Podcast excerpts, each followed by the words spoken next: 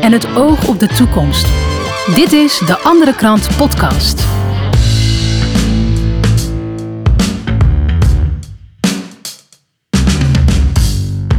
De Andere Krant podcast. De wekelijkse voorbeschouwing met journalisten, schrijvers en iedereen die meewerkt aan de andere krant. We gaan het vandaag hebben over een medicijn. Een medicijn dat eh, heel goed schijnt te werken tegen COVID-19. Maar toch wordt afgeraden door, de, ja, door het Nederlandse huisartsengenootschap. En eh, we hebben vandaag iemand te gast die daar weer veel over weet. Dat is uh, Arjen Ipma.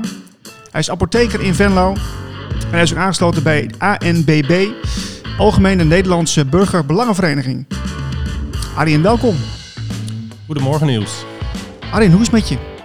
Ja, prima. Ik heb een uh, ritje achter de rug, maar we zijn er uiteindelijk aangekomen vanuit Venlo. Ja, precies. Hoe, hoe is het eigenlijk om, om in deze tijd apotheker te zijn? Is het, is het een beetje te doen?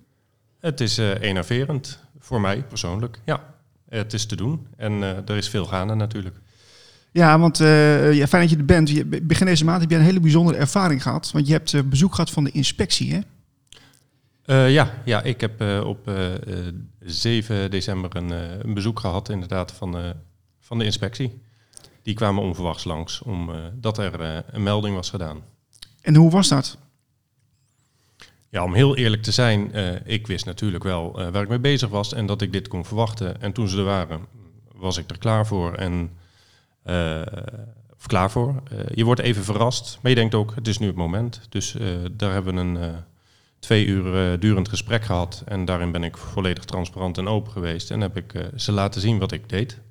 Ja, ja want er is dus veel te doen over het medicijn ivermectine. Um, ja, dit is een medicijn wat, wat schijnt te werken tegen COVID-19. Je hebt er heel veel ervaring in ook met het, het voorschrijven en hoe het werkt in de praktijk.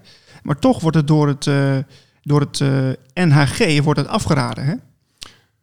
Dat klopt, ja. Dat is natuurlijk ook meteen de reden waarom een inspecteur hier dan dus regels bij stelt. de NHG raadt het af in de richtlijnen, en de COVID-richtlijnen, die overigens, meen ik, pas 1 juni tot stand zijn gekomen. En ja, wij hebben daar andere ideeën over. het afraden is voor ons een vrij vergaande uh, maatregel. Um, we weten inmiddels dat ze ook andere medicatie al hebben toegelaten. Met minder effect, maar met iets meer bewijslast. Maar wij vonden het al vreemd dat een middel als budesonide, of niet vreemd, maar we vonden het wel opmerkelijk dat een, een middel, een, een, inhalatiemiddeltje, wat 2% ziekenhuisopname reductie zou geven en uh, één onderzoek met een redelijke bewijslast had, dat dat positief was en een ivermectine wat meerdere onderzoeken had eh, in hun eigen search met 3% reductie in ziekenhuisopname. Alleen het resultaat, ja, de, onder, de bewijslast was zwak. Dus dat werd ineens negatief. Dus dat vonden we uh, natuurlijk iets ja, waarvan we dachten, op zijn minst kan het een neutraal advies worden. Dus dat was ook de insteek van uh, het kort geding. En wat is nou het verschil in de bewijslast die jullie aandragen en die het uh, NAG aandraagt? Want dat, dat, vind, dat vind ik wel een beetje vreemd. Ja, nou, uh, kijk, het NAG is natuurlijk een wetenschappelijke vereniging, zoals ze zelf ook ja, claimen. En dat hebben ze ook helemaal toegelicht netjes, hoe ze werken, hoe hun ja, besluitvorming tot stand komt. Zij um, hanteren daar bepaalde, bepaalde zoekmodules voor en daar komen resultaten uit. En ja, dat weten wij natuurlijk niet precies hoe dat gaat, maar we hebben dat zelf nagelopen en natuurlijk gekeken van, nou, wat komt er zoal uit? En uh, hoe is jullie, uh, zeker gezien het, het, feit dat het een, hè, een pandemie is, een crisis, dus hebben ze aangegeven wij gaan maandelijks onze, onze literatuur daarvoor updaten. Ja, wij kwamen er zelf, konden wij niet vinden dat dat gedaan werd. Met andere woorden, um, ja, aan de buitenkant werd er wel een aanpassing gedaan, maar de onderliggende literatuur um, gaf geen veranderingen. Terwijl wij toch wel het idee hebben dat er steeds meer degelijke literatuur beschikbaar komt die uh, de werking uh, van uh, ivermectine in, in een vroeg stadium vooral ook bevestigt. Ja, want dat is ook wel belangrijk om te vermelden volgens mij, dat, dat het in een vroeg stadium wordt toegediend, hè? Ja, ja dat, is, dat is waar, ja, daar, daar, zal waarschijnlijk straks Alexander nog wat over gaan zeggen. in het proces, het ontstekingsproces, op het moment dat het dat je geïnfecteerd wordt, heb je natuurlijk eerst een, een periode, dat moet, de incubatietijd, dat het, dat het zich moet gaan repliceren, et cetera. Dus dat het virus zich moet gaan ja, verspreid in het lichaam, noem maar even zo. Mhm, ja. En, eh, en daar kun je dan al gaan ingrijpen. Er is net gisteren een eh, artikel eh, gepubliceerd overigens met eh, een enorm aantal werkingsmechanismen van ivermectine. Zonder de claim nu te leggen dat het, eh, dat het een bepaald resultaat heeft, heeft, hebben ze wel al een heleboel werkingsmechanismen om die eh, replicatie van het virus te remmen in een vroeg stadium eh, beschreven. Dus ja, er komt steeds meer ook naar buiten in de wetenschapswereld. Ja, ja.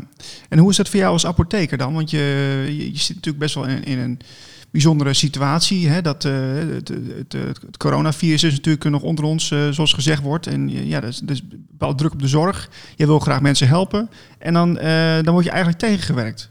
Ja, dat is inderdaad, dat was ook mijn gewaarwording. Ik vond het vreemd natuurlijk eh, toen ik eh, in maart dit jaar eh, dat bericht van de inspectie kreeg met daarop eh, eh, de mededeling dat wij als apothekers eh, artsen moesten melden die ivermectine of hydroxychloroquine voorschreven.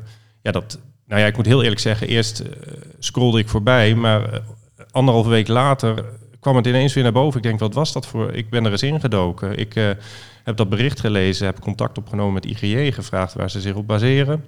En zij eh, ja, we- verwezen naar de richtlijnen van de beroepsorganisaties en het SWAP, et cetera. Dus daar ben ik toen persoonlijk eh, uit interesse, maar ook eh, ja, best wel van, hey, dit ga ik eens uitzoeken. Eh, ik kwam er een beetje achter dat ik als apotheker al eh 10, 15 jaar een radartje in een rat was geworden en niet meer echt zelf ja, hè, die academische vaardigheden van onderzoek doen onderhouden had. Maar dat is toen volledig tot ontplooiing gekomen en ik ben in gesprek geweest met het NAG over hun onderbouwing, eh, wat overigens op dat moment een jaar oud was. En eh, ik heb ze nieuw onderzoek aangereikt. En toen kwamen ze met een Cochrane-onderzoek, een bepaald eh, onderzoeksniveau is dat.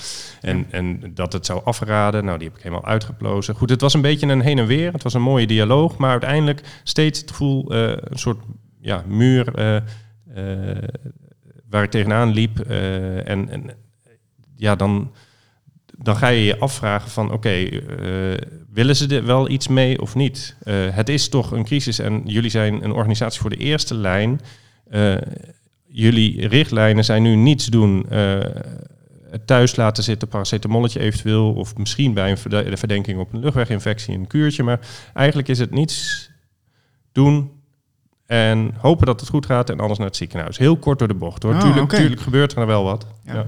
Ja, nou, wat, wat, je, je triggerde me er eventjes, want je zei net eigenlijk van... oké, ik, ben, ik ben op onderzoek uitgegaan eh, sinds die coronacrisis... en ik kwam erachter dat mijn positie eigenlijk als apotheker... eh, ja, toch anders is dan dat ik eigenlijk had gedacht. Ehm, mijn positie. eh, Ja, in, in de zin van, wat, wat doe ik nou eigenlijk als ap- apotheker? Ja, als een radartje in een ja, groot ja, systeem, ja, zeg maar. Ja, ja, ja, dat was wel een bewustwording. Ik, ik, ik dacht van, van ik, ik, ik krijg een instructie en ik voer hem uit. Maar wacht even, deze instructie die matcht niet met, eh, hè, noem het maar even, mijn innerlijk kompas. Want dat is een arts die doet iets met een eh, goede intentie vanuit zijn autonomie, eh, in, in, in, met informed consent natuurlijk met zo'n patiënt.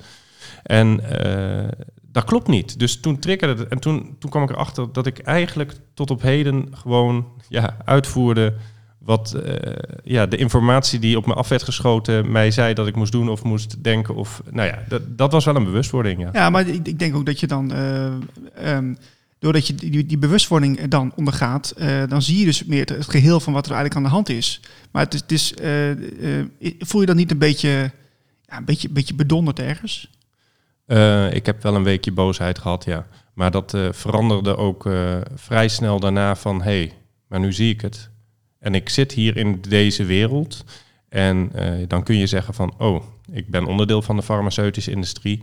Ehm, wat doe je? Keer je de rug toe? Of eh, ga je gewoon door en doe je of je het niet ziet? Of ga je zeggen, nou, ik zit er nou eenmaal in. Misschien moet ik hier wel zitten en heb ik hier een, eh, een taak. En ga ik het van binnenuit veranderen. En dat was eigenlijk mijn, ja, de keuze die ik uiteindelijk heb gemaakt. Overigens, even buiten dit onderwerp om. Ik zie ook gewoon dat er nu echt grote groepen apothekers zijn. Leefstijlapothekers noemen ze zich.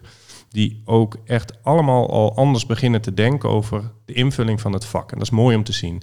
Maar goed, dat staat even buiten het eh, onderwerp van... eh, Ja, ja, maar interessant. Ja, de- deze week eh, zijn jullie ook in te lezen in de krant, de, de ANPB, met, nou ja, met, met jullie protocol. Hè? Want jullie hebben een protocol bedacht om ja, voor, voor huisartsen en denk ook voor apothekers, hoe ze Ja. hiermee om kunnen gaan. Hè? Ja, ja, dat is iets wat gegroeid is natuurlijk in het traject. Uh, nadat ik natuurlijk tegen die muur aanliep, om het zo te zeggen, ben ik met uh, Rob Elens in contact getreden. Want ik denk, ik ga het eens even aan de ervaringsdeskundige zelf vragen. En ja, dan ontstaat er wat. Op een gegeven moment ga je samenwerken. En ik heb wel gezegd van, nou, hè, er is veel om te doen. Dus ik wil wel mezelf monitoren. Ik ga die mensen allemaal bellen die van ons een kuur krijgen. En ik volg ze op na twee weken. En in dat traject doe je veel ervaring op. Ik heb nu ook gemerkt wat een waarde eh, het heeft voor een huisarts om gewoon contact te hebben met de patiënt. Want als apotheker, ja, je doet je ding, je levert je ding af en daarna um, doe je niet zoveel meer. Dat mhm. realiseerde ik me. En de verhalen van die mensen zijn heel belangrijk. En al die ervaringen, dus of je een, alleen een ivermectine kuurtje krijgt en dan alsnog een luchtweginfectie ontwikkelt, waarna we dus besloten om toch standaard maar bij bepaalde situaties ook gelijk een antibioticum te geven. In andere gevallen juist weer niet. Dus je, je, je gaat expertise opbouwen op uh, praktijkervaring. En daarnaast heb je de literatuur. En dat samen, dat, uh, en, en met uh, twee wekelijks overleg, of één keer per twee weken, bracht steeds meer informatie um, bij elkaar. En dat vormde zich op een gegeven moment tot een protocol. Ja. Er was natuurlijk, je zit in een wereld waar iedereen zegt geen protocollen. Maar het was een, een arts die zei van, wacht even, het is wel heel goed als we een basis hebben. Want als er nou mensen willen meedoen dan hebben we in ieder geval een standaard pakketje. Dus dat protocol is gevormd en dat is ook best goed uh, ja, uh, ontwikkeld en, onder, en te onderbouwen en, uh, en te delen met collega's. Dus, maar daar zal Alexander misschien straks nog wat over zeggen. Ja, precies. Nee, wat je ook vertelde voordat we begonnen, is dat jij zelf bent gaan monitoren hè, van wat, wat het nou eigenlijk doet met, met de patiënten waar je het medicijn aan levert. Ja. wil je daar iets over zeggen?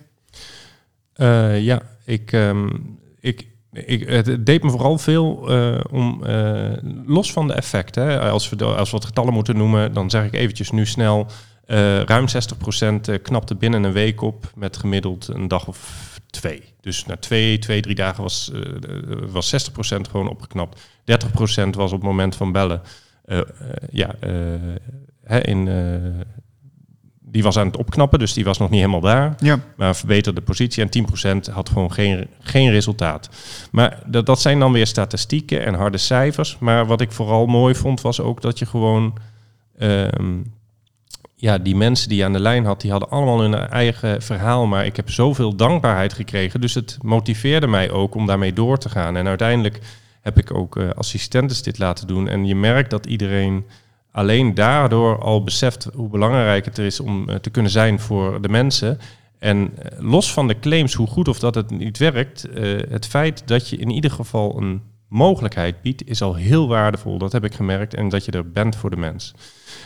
En daarnaast heb je natuurlijk dan ook nog het feit dat de resultaten over het algemeen gewoon echt goed waren. En uh, ja, ik heb geen uh, gerandomiseerde trial gedaan, dus ik kan geen claims leggen, dat weet ik. Maar bijwerkingenprofiel was mild. Dat durf ik heel hard te zeggen. Uh, er was niet veel spannends aan de gang als het gaat om bijwerking. Oké, oké. Nou, dat, dat, klinkt hoopvol. Nu is het deze week, voor, voor, mij was het deze week, hè? Dat is een kort geding geweest, hè? ja, dat was maandag. Was, ik ben even de tel kwijt, maandag de 20ste. Ja, precies. Ja, dat was maandag. Ja, maandag, ja. Ja, ja. Er gebeurt veel nu. Dus, ja, dat gaat, het, heel hard, het gaat echt hard met de, informatie. Maar er, is een uitspraak geweest van de rechter en uh, die was niet in jullie voordeel. Um, hoe ga je daar nou mee om als apotheker? Um, nou ja, op zich was dit natuurlijk een uitspraak uh, richting NAG om hun uh, protocol aan te passen. of hun richtlijn anders te definiëren, of het advies dus, hè, op, op ieder geval neutraal te zetten.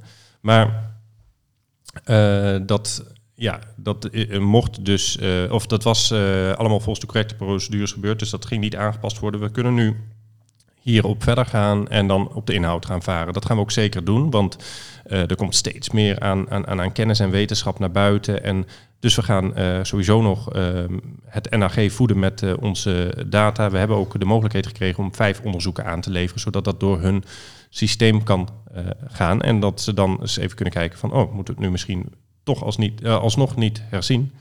Um, voor wat betreft, uh, wat ga ik nu doen?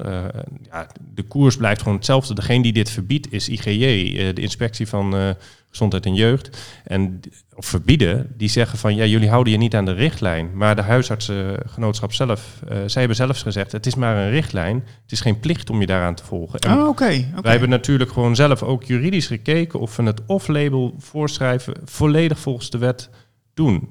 En dat doen we met nog extra de opvolging. Met andere woorden, er moet zijn een informed consent tussen arts en patiënt. Mhm.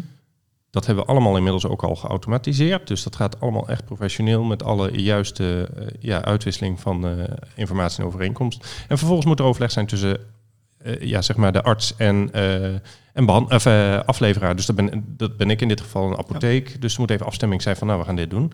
Ja, eigenlijk kun je zeggen, Arjen, er is eigenlijk ook iets moois ontstaan. Want, want je, je wordt eigenlijk een beetje in het begin een beetje wakker geschud. Maar vervolgens word je eigenlijk uh, genoodzaakt om wat, wat, wat kortere lijntjes te hebben en misschien nog, nog intensiever samen te werken. Ja, Niels, uh, dat, dat noem je helemaal juist. Er ontstaan zoveel mooie dingen nu. En tuurlijk is er wel tegengas, dat weet ik. Maar we, we willen allemaal als mens, denk ik, gewoon onze medemens helpen en die handen uitstrekken. En als de andere dan, een andere partij gaat zeggen, ja, maar jij strekt uh, niet de goede hand uit, ja, dan wordt de situatie wat vervelend. Maar wij hebben gewoon echt heel veel vertrouwen dat we hiermee de goede weg koersen. En dat wordt bevestigd door alle steun die we krijgen. Dat kan zijn financieel, dat kan zijn dat mensen ons helpen met het bouwen van een ICT-systeem. Of dat de mensen juridisch helpen, et cetera, et cetera. Er is heel veel steun. Ik heb nog nooit zoveel kerstkaarten mogen ontvangen in de apotheek als deze week. Dus ja, het is, uh, je voelt je ook echt gesteund. Het is lastig. Maar ja, we gaan oprecht um, door met uh, wat we doen. En uh, ja, goed, het verhaal met IGJ is ook nog niet afgelopen. Want dat is misschien even goed om te noemen, nu ik toch in een podcast zit. Maar er is, er is al heel lang natuurlijk uh, een situatie waarin een, een, een antidepressivum, quetiapine, wordt voorgeschreven bij slaapstoornissen. En in het NAG, in de, de NAG-richtlijn van 2014 voor slaapstoornissen wordt quetiapine afgeraden. Vanwege de bijwerkingen en het niet bewezen effect. Hmm. Exact dezelfde situatie op dat vlak, maar in, bij slaapstoornissen zijn genoeg alternatieven. Bij COVID is helemaal geen alternatief. Dus met andere woorden, je zou nog zeggen van... hé, hey, um, daar zou je nog iets meer gunfactor hebben. Maar het vreemde is dat dat al zeven jaar gaande is... Hmm. bij dat andere product. Ja. En bij ivermectine, dat is nog geen jaar gaan. En er wordt, nou ja, anderhalf misschien, daar wordt uh, fors uh, op uh, gereageerd door IGJ. Dus daar stellen we ook vragen voor, over in de politiek, in de rechtszaak, bij IGJ zelf. Dat gaat alle kanten op. Dus... Ja. Mensen worden, mensen worden mondiger, mensen worden zich bewuster van in wat voor systeem ze zitten. En dat, dat, dat, zien we nu ook bij jullie gebeuren. alleen, ik wens je heel veel succes. Super, dankjewel. Merk je ook dat veel mensen niet goed op de hoogte zijn? Lees dan eens mijn krant, De Andere Krant. Ik ga verder met een arts die ook is aangesloten bij ANBB. Dat is uh, Alexander. Alexander, welkom in de show. Ja, dankjewel Niels. Uh, goed om er te zijn. Ja, er is, uh, er is veel gaande bij de ANBB. Jullie hebben onlangs een kort geding gehad. Um, ja. En daar gaan we het zo even over hebben. Maar jullie zijn ook bezig geweest om een protocol samen te stellen, hè? Ja, klopt. Kun je, kun je ons even vertellen wat, wat daar over het algemeen een beetje in staat? Nou, het is uh, duidelijk geworden dat COVID natuurlijk bepaalde fases heeft in zijn ziekteproces. En daar hebben wij een beeld van gemaakt. En op elke fase in, dat, ziekte, in, in die fases worden behandelingen aangereikt die tot nu toe heel veel effect hebben. Uh, waardoor wij heel enthousiast uh, dit werk doen eigenlijk. Ja, ja ik kan me voorstellen. En, uh, en is het protocol, wat, wat is daar anders aan dan een normaal protocol?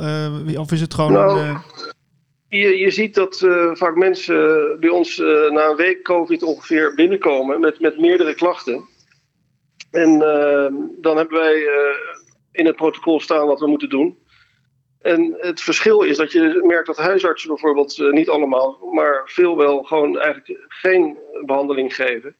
En vaak afwachtend zijn. Uh, en, en, en, daarmee mensen ook een beetje het gevoel geven dat er, dat er niks voor hen uh, gedaan kan worden. Ja. ja. Daarom is het protocol voor ons zo belangrijk dat wij in de fase voor het, voordat mensen worden opgenomen in het ziekenhuis behandelingen kunnen krijgen.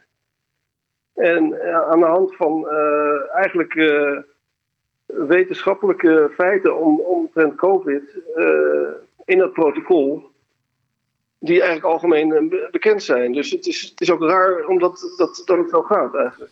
Ja, want wat, wat ik wel een beetje verwarrend vind. Ik, ik kwam deze week een artikel tegen van RTL. En er wordt gezegd, uh, ivermectine is een medicijn dat helpt tegen schurft en andere parasieten, maar niet tegen virussen.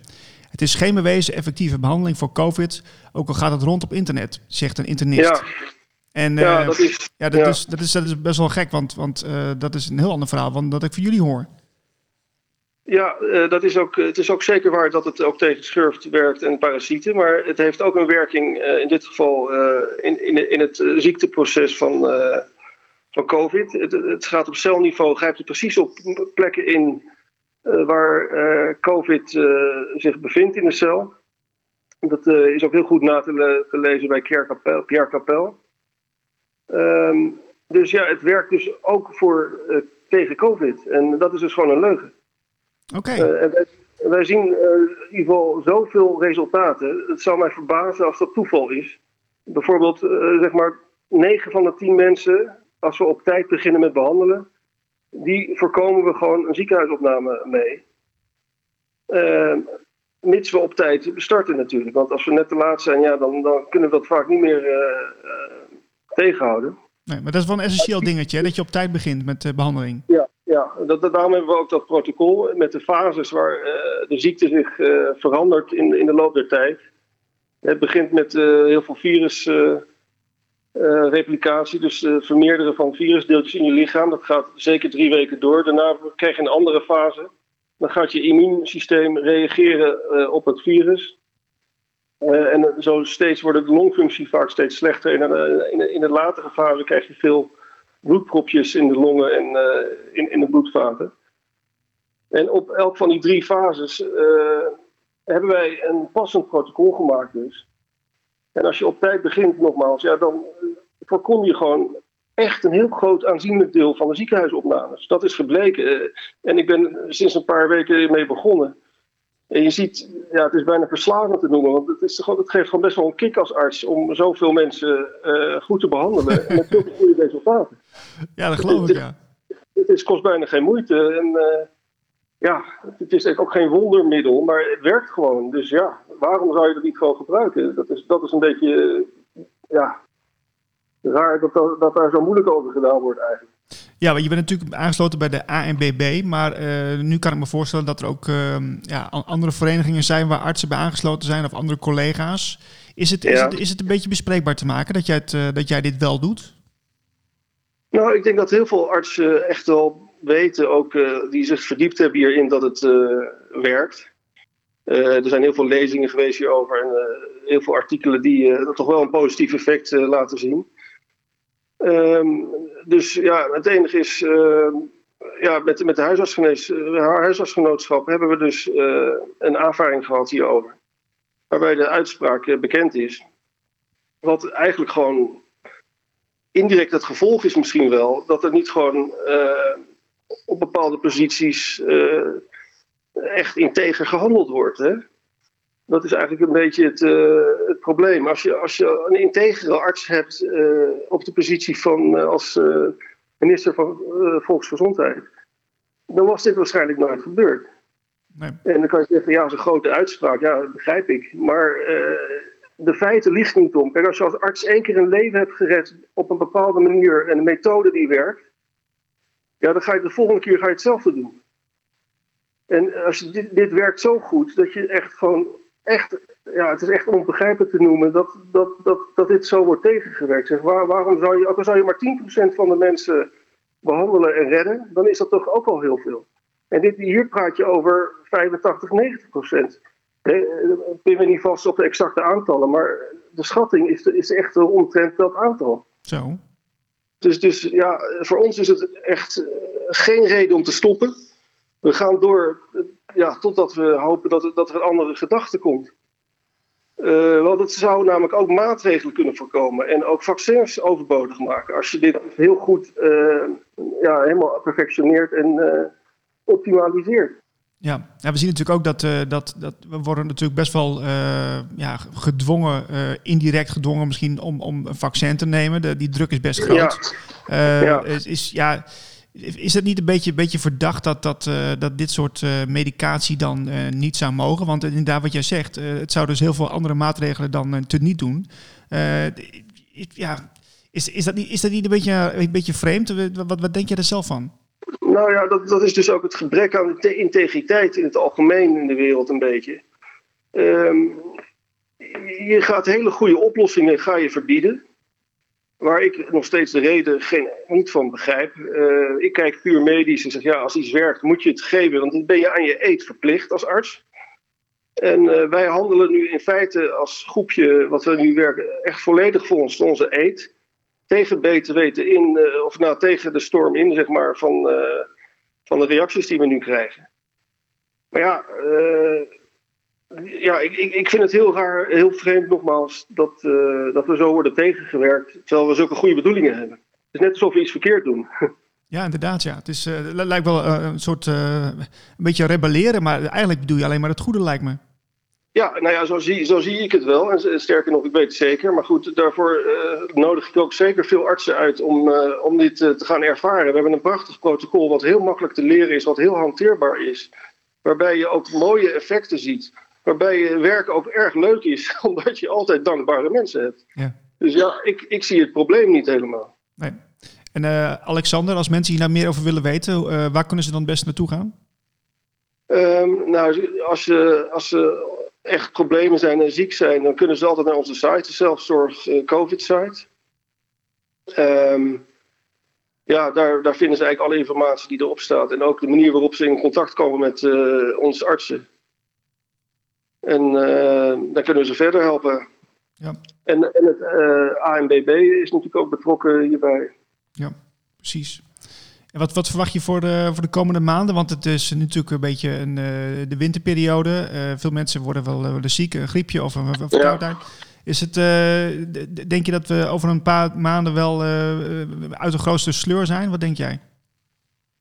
Nou, moeilijk te voorspellen. Maar je ziet nu inderdaad een enorme toename de laatste twee maanden aan gevallen we werken ons helemaal rot, maar we hebben best wel een tekort aan artsen. Dus we doen het allemaal naast ons werk, sommige fulltime en of in ieder geval zoveel mogelijk. Maar ik, ik, ik, verwacht dat het nog wel een maand of twee zo door zal gaan. Ja. Maar ja, nogmaals, het is niet erg dat er meer aantallen zijn als je ze kan behandelen. Hè? en dat merken we nu.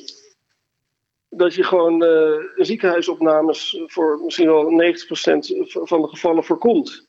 En de houding van de huisartsen, dat is ook is niet kwalijk te nemen natuurlijk, omdat de, ja, er staan behoorlijke sancties op uh, het niet gebruiken van deze middelen. Maar ja, niks doen uh, geeft dus eigenlijk meer opnames. Ja. Dat is onze conclusie. En ja, dan kan je zeggen, ja, dat staat niet netjes in een artikel met percentages en helemaal uitgewerkt. Zeg, ja, we zien het gewoon. En we gaan daar ook zeker een studie van maken als we daar tijd voor hebben, maar dat hebben we niet. Maar we zien gewoon uh, ja, uh, zoveel mensen opknappen die ernstig ziek zijn. En als je er dan drie dagen later hoort en ze zeggen: God dankbaar, het werkt, ik ben helemaal beter. Ja, dan, dan ben je toch eigenlijk wel raar als je, als je dat niet gewoon volop inzet. Precies. Hoe ga je, hoe ga je de kerstdagen in, Alexander? Nou, met een ja, dubbel gevoel. Aan de ene kant weet ik dat ik het goed doe. En dat ik mijn eten nakom. En aan de andere kant vind ik het gewoon uh, ja, heel jammer dat, dat er een bepaald beleid is die dit tegenwerkt. En ik, ik snap niet, werkelijk niet wat daar uh, de reden van is, of, of, of de, de, de, argumenten of beweegheden. Ik, ik, die begrijp ik niet. Maar ik weet wel dat wij het goed doen. Ik wens je heel veel succes de komende tijd. Dankjewel.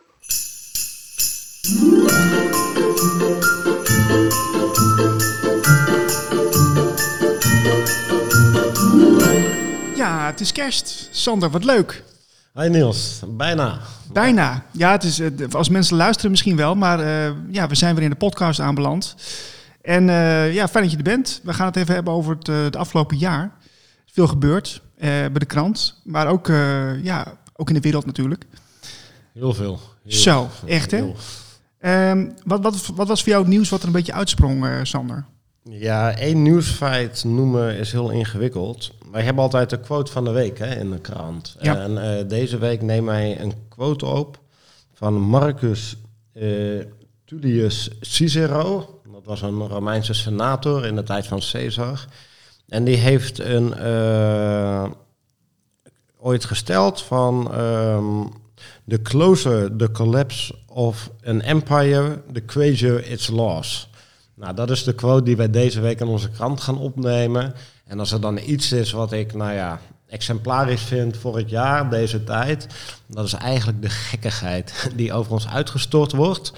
Die lachwekkend is vaak. Ik denk, we moeten er ook maar om blijven lachen. Hè. De debiele anderhalve meter, de mondkappen, de kreten, de sportscholen moeten dicht, de junkfood blijft open, al dat soort idioterie. Ja.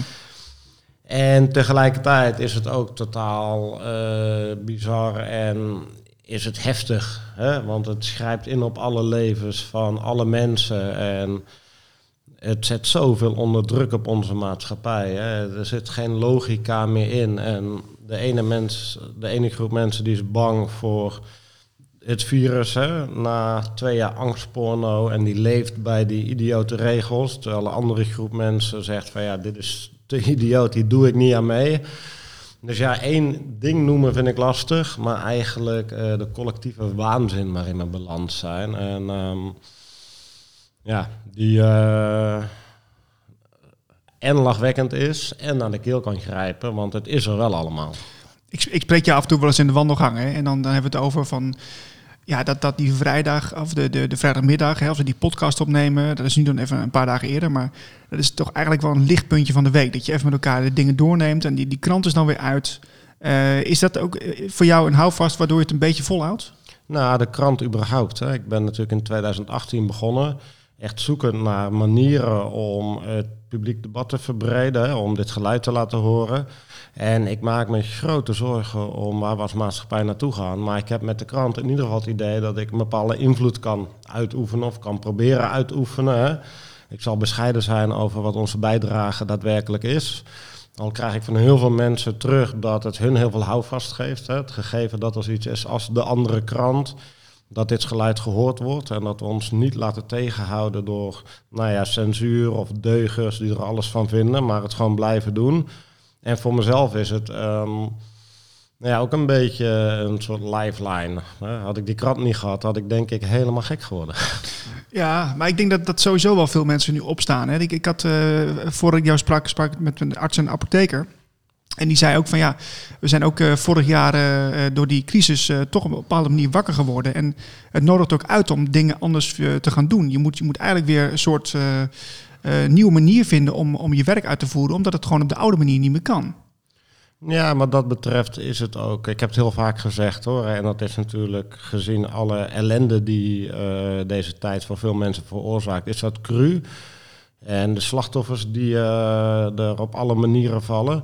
Maar ergens is het toch een blessing in disguise. Hè? Ja. Van, ehm, juist doordat het nu zo gek wordt en dat, er zo, dat het zo alle logica ontbeert, gaan steeds meer mensen zich toch realiseren dat er zaken niet kloppen. Dat overheden, instituties, veel supranationale instituties niet per se het beste met ons voor hebben en andere belangen behartigen. En tot een paar jaar geleden was dat voor heel veel mensen een abstract ver van hun bed idee. En tegenwoordig raakt het iedereen in het leven van alle dag. Dus wat dat betreft ben ik ook wel positief. Blijkbaar moeten we door deze tijd heen. En nou ja, wij zijn een exponent van eh, een nieuwe beweging. Hè, dat we gewoon onze eigen krant gaan maken. Wanneer wij stellen van de kranten en het mediaaanbod eh, is te eenzijdig. Hè. We voelen ons niet gehoord. Nou, gaan we het zelf doen. Ja. Maar dat zie je nu op veel meer eh vlakken in de maatschappij zie je dat gebeuren. En ik denk dat daar de oplossing zit. En dat van daaruit weer een nieuwe maatschappij gebouwd kan gaan worden. Ja, van onderop zeg maar. Ja, dat gaat alleen maar van onderop kunnen met allerlei initiatieven die dan wel weer eh, met elkaar gecoördineerd moeten gaan worden. Het is een beetje wat Bob de Wit ook in Society 4.0 aangeeft. Hè? Van je gaat terug naar regionaal, dus dingen worden regionaal georganiseerd. Maar je hebt natuurlijk wel je interregionale of zelfs je mondiale verbondenheid met alle techniek en Ja. de mogelijkheden die we tegenwoordig hebben. Dus gecentraliseerd, daar zou je niet zo voor zijn. Dus het moet meer eh, allemaal eh, eh, ja, lokale groepjes zijn die elkaar wel kennen, maar die los van elkaar bestaan. De macht en de zeggenschap over het leven van mensen zelf mag nooit gecentraliseerd worden. Die centralisatie maakt hè, dat ehm, de macht voor heel veel personen bij enkele terechtkomt. Nou, hoe verder de macht van eh, het leven van mensen afstaat, hoe abstracter het wordt, hoe makkelijker die macht te beïnvloeden is, te corromperen is. Nou, dat zie je bij instituties als eh, de Euro- Europese Unie. Dat zie je bij de conglomeraten die er in de pharma zijn, die er in het bankwezen zijn. Die staan zo ver af van de gewone mens. De gewone mens heeft er ook geen invloed meer op. En de mensen die dat besturen, die staan ook weer heel ver af hè, Ja. van de mensen waar hun besturen impact op heeft. Ja, precies. Ze weten niet meer waar het over gaat. Ze staan niet meer met, met een been in de samenleving. Nee, en als jij bestuurt en jij wordt gekend door de omgeving waarover jou bestuurt, ben je ook automatisch aanspreekbaar.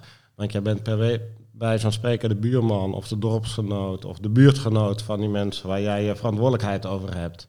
Nou, dat is natuurlijk helemaal zoek. En iemand die in de Euro- Europese Unie regels uitvaardigt, die moeten gelden van Letland tot en met Portugal tot en met Griekenland. Ja, die man is niet gekend in die verschillende plekken. Dus ik denk juist dat het van onderop moet gaan komen, die verandering. En die is ook volle bak gaande. hè. We hebben er heel veel aandacht aan gegeven in eh, de eerste twaalf edities van onze weekkrant. De twaalfde komt dan eh, eh, de 24e bij de mensen op de bus. En ehm, ja, de initiatieven zijn onwijs hoopvol. Ja. En ook denk ik fundamenteel en daarmee niet tegen te houden. We hebben deze week een, een kersteditie. Wat, wat, wat, wat kunnen we daarvan verwachten? Ja, een hele dikke krant. We zijn eh, voor eenmalig naar 32 pagina's gegaan. Zo. Betekent ook dat er volgende week geen krant gaat komen. Hè. Dus we gaan, hebben onszelf getrakteerd op een week vakantie. Hé, nou, jongen, jongen, mocht een keer zijn, hè? Ja, heerlijk, heerlijk. een week in bed liggen, denk ik. Nou, Dus, eh, ja, voor jou wel, denk ik, hè? Jongen, jongen. ja, het is een aardige rollercoaster geweest. Hè. Met ehm, begin november begonnen, maar daarvoor natuurlijk al een heel lang traject om het voor te bereiden. En het is allemaal onwijs goed gegaan. We hebben super veel mooie reacties gekregen. Nou, we hebben de winkelverkoop voor elkaar gekregen. Nou, nu natuurlijk weer even minder. Want eh, boeken zijn geen essentiële producten volgens eh, de regering, de Ja, ja, ja. demissionaire rege- regering. Dus, ehm, maar er zijn nog wel locaties waar de krant wel te koop is. Hoor. Dus houd het op onze website in de gaten. En we hebben dus een krant van 32 pagina's. Een krant waarin we veel aandacht willen geven voor juist die mooie ontwikkelingen. Een krant waarmee we hopen dat we mensen wat kracht geven. En ook een krant waar bijvoorbeeld een eh, kerstpuzzels in staan, wat meer qua recepten in staan, mooie interviews in staan. Dus een krant waar mensen zich de komende weken hopelijk aan kunnen laven om weer met een toch fris gemoed eh, het volgend jaar in te gaan. Ja. 2022 staat voor de deur. Ehm, eh, wil je misschien nog eh, wat extra aandacht eh, schenken aan een aantal mensen die, eh, die hebben meegewerkt? Nou ja, ik ben ontzettend dankbaar met het team wat we hebben geformeerd. Hè. De krant was een eh, project van enkele. En het is nu een project van velen geworden. En er zijn zoveel mooie mensen op ons pad gekomen. En ook precies die mensen natuurlijk die, eh, die we en nodig hadden en die passen. En Karel Beckman, die eh, echt een fantastische taak heeft volbracht tot nog toe met... eh, in zijn rol als hoofdredacteur. We hebben onwijs een goede vormgevers. De krant ziet er schitterend uit. We hebben een heel mooi team van redacteuren die week in week uit zorgen dat we foutloos is nog niet gelukt, maar ik vind echt dat we het heel goed doen.